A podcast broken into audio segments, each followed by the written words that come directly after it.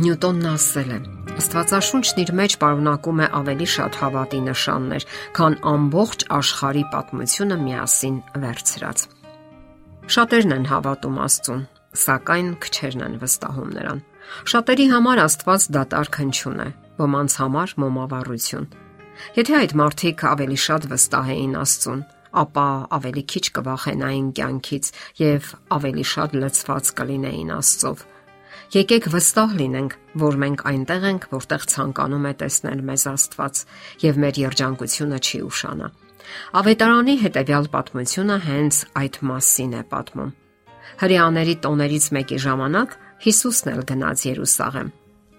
Տոների ժամանակ սովորաբար մեծաթիվ մարդիկ էին գնում Երուսաղեմ։ Այնտեղ էին գնում ոչ միայն հрьяաները, այլև մոտակա երկրներում ապրողները։ Նրանք ցանկանում էին տեսնել ճշմարիտ Աստծուն մատուցվող զոհաբերություններն ու ծիսակատարությունները։ Եվ Հիսուսը գիտեր, որ այնտեղ շատերը կլինեն, որ կարիք կունենան թե իր քարոզներին եւ թե իր բժշկություններին։ Եվ ահա նա Երուսաղեմում է։ Այնտեղ մի ավազան կար, որ գտնվում էր այսպես կոչված ոչխարած դռան մոտ։ Հրեաների լեզվով դա կոչվում էր Բեթհեզդա Այն բավականին մեծ էր եւ ուներ 5 սրահ։ Այդ ավազանը շատ խորթավոր վայր էր։ Այնտեղ ժամանակ առ ժամանակ հայտնվում էր Աստծո հրեշտակը եւ շարժում ջուրը։ Իսկ ջուրը շարժելուց հետո նրա մեջ գտնվող առաջին մարդը բժշկվում էր, իսկ հիվանդությունն էլ անհետանում էր, ինչպիսին էլ որ այն լիներ։ Ահա այդ պատճառով էլ այնտեղ միշտ հիվանդներ էին հավաքվում։ Գալիս էին կույրեր, կաղեր, հաշմանդամներ, տարբեր տեղերից, տարբեր վայրերից եւ միշտ շատ հերթեր։ Նրանք բոլորն էլ այնտեղ սպասում էին հրեշտակի հայտնվելուն, որpիսի հրեշտակը բժշկի իրենց հիվանդությունից։ Իսկ քանի որ միայն նա էր բժշկվում, ով առաջինը կմտներ ջուրը, ապա պատկերացնում եք, թե ինչ հրմշտոց էր առաջանում այնտեղ, ինչ էր կատարվում Բոլորն աշխատում էին առաջինը մտնել ջուրը, հրում էին միմյանց վիճաբանում եւ ով ավելի ուժեղ ու ճարպիկ էր գտնվում, առաջինն էր մտնում ջուրը։ Եվ ահա այնտեղ է գալիս նաև Հիսուսը։ Նա տեսնում է մի հաշմանդամ անznավորության, ով արդեն 38 տարի հիվանդ էր։ Այդ հիվանդը միշտ գալիս էր այստեղ, որպիսի բժշկվի, սակայն երբեք չէր կարողանում, որովհետև իրեն միշտ մի կողմ էին հրում ավելի ուժեղները եւ թույլ չէին տալիս, որ մտնի ջուրը։ Հիսուսն իմանալով այդ մասին, այսպիսի հարց տվեց նրան. Ուզում ես բժշկվել։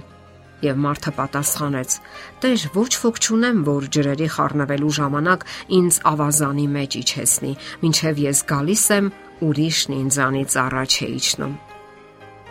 Նա ցանկացավ ասել, որ իրեն օգնություն է հարկավոր, որpիսի ինչ որ մեկը օգնի արագ մտնելու ջուրը։ Հիսուսն իհարկե պատկերացրեց, թե որքան դժվար է հաշմանդամ մարդու համար արագ շարժվել, որքան էլ որ ցանկություն ունենա առաջինը մտնելու ավազանը եւ բժշկվելու։ Սակայն նա այլ ծրագիր ուներ այդ մարդու համար։ Այդ պատճառով էլ նրան ասաց. «Վեր կաց, վերցրու մահիճդ եւ քայլիր» եւ հանկարծ տեղի ունեցավ հրաշքը։ Մարտն ակնթարթորեն առողջացավ։ Դա իսկապես զարմանալի էր։ Ամբողջ 38 տարի նա հույսով սпасել էր եւ հանկարծ միանգամից առողջացավ։ Այդքան տարիներ նա գամված էր իր մահճակալին եւ չէր կարողանում քայլել բոլորի նման, ուրախանալ։ Եվ ահա այժմ կատարվեց իր երազանքը։ իր Նա ուրախ վերցրեց իր անկողնային պարագաները եւ թեթևորեն զվարթ քայլեց դեպի դուրս, մոռանալով անգամ հարցնել, թե ով բժշկեց իրեն։ Նա դուրս եկավ, որ վայելի քայլելու ուրախությունը։ Այնքան հաճելի էր բոլորի նման քայլել, անկամ վազել ինչպես մանուկ ժամանակ։ Նա այնքան էր ապշած եւ ուրախ այդ բժշկությունից, որ դեռ ամբողջովին չէր պատկերացնում, թե ինչ է տեղի ունեցել։ Եվ ահա նրան մտեցան իրենից ավելի զարմացած հрьяաները։ Տարօրինակ է մտածում էին նրանք, չէ՞ որ սա այն անznավորությունն է, որ ամբողջ 38 տարի չէր կարողանում քայլել եւ հիմա թեթևորեն այսու այն կողմ է ցածկում։ Իսկ միգուցե նա չէ կասկածանքով հարցնում էին միմյանց եւ մոտենալով նրան փորձեցին հասկանալ թե ինչ է տեղի ունեցել, ով է այն անznավորությունը, որ բժշկել է նրան։ Սակայն այդ մարդը չէր կարողանում պատասխանել Նա սկսեց շուրջ բոլորը նայել, սակայն չտեսավ նրան, ով բժշկեց իրեն։ որովհետև Հիսուսը մեծ ամբողջի պատճառով արագ հեռացել էր։ Դրանից հետո առողջացած մարդը գնաց տաճար, որպիսի աղոթի եւ իր գոհությունն ու շնորհակալությունը հայտնի Աստծուն այդ հրաշագործ բժշկության համար։ Եվ հանկարծ այնտեղ տեսավ Հիսուսին։ Նա էր այն մարդը, ով բժշկեց իրեն։ Եվ ինչ զարմացած կանգնել եւ նրան էր նայում, Հիսուսը դարձյալ մոտեցավ նրան եւ ասաց. Տես, առողջացար։ Այսուհետև մեղք մի գործիր, որpիսի քեզ ել ավելի վատ բան չպատահի։ Նա հասկացավ, որ իրեն բժշկողը Քրիստոսն է եղել եւ որ ինքն այլևս չպետք է մեղք գործի, որովհետեւ մեղքը հեռացնում է Աստծուց։ Իմանալով, որ Հիսուսն է իրեն բժշկել, նա շատ ցանկացավ, որ այդ մասին բոլորն իմանան, այդ թվում հрեաները, ովքեր իրեն հարցրին այդ մասին, սակայն նա չկարողացավ պատասխանել եւ նա արագ դուրս գնաց, գտավ այդ մարդկանց եւ պատմեց Հիսուսի եւ նրա բժշկության մասին։ Թիմ Քելլերը գրել է. Հիսուսը մեծ մոդելն է ցույց տալու համար, թե ինչպես պետք է ապրել աղոթել եւ վերաբերվել մարդկանց, բայց Հիսուսը եկավ ոչ միայն մոդել լինելու, այլ մեր փրկիչը։ Նա փոխում է մեզ ներսից, այնպես որ մենք կարող ենք դանդաղ, բայց անշուշտ կատարելագործվել իր պատկերով։ Նա ուժ է տալիս ապրելու համար եւ ցույց է տալիս այդ ապրելու ճանապարհը։ Բժշկության բարի լուրը դուր չեկավ հրեաներին։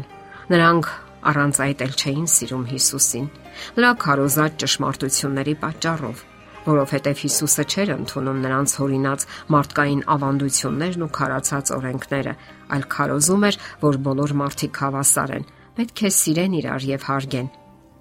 Ապրեն բոլորի հետ հաշտ ու խաղաղ եւ օգնեն միմյանց։ Ահա թե ինչու այդ դեպքից հետո նրանք ավելի չարացան Հիսուսի դեմ եւ նույնիսկ փորձում էին նրան գտնել ու սպանել, որովհետեւ չար մարդիկ չեն սիրում բարի գործերը եւ աշխատում են ինչ որ ձևով նեղացնել ու վիրավորել այն կրողներին։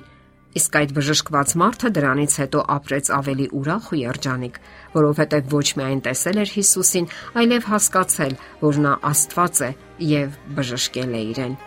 Եվ ինչպես Պարույր Սևակն է ասում, առանց հավատի կյանքում դյուրին չէ նույնիսկ մեռնելը, իսկ ապրելն արդեն անկարելի է։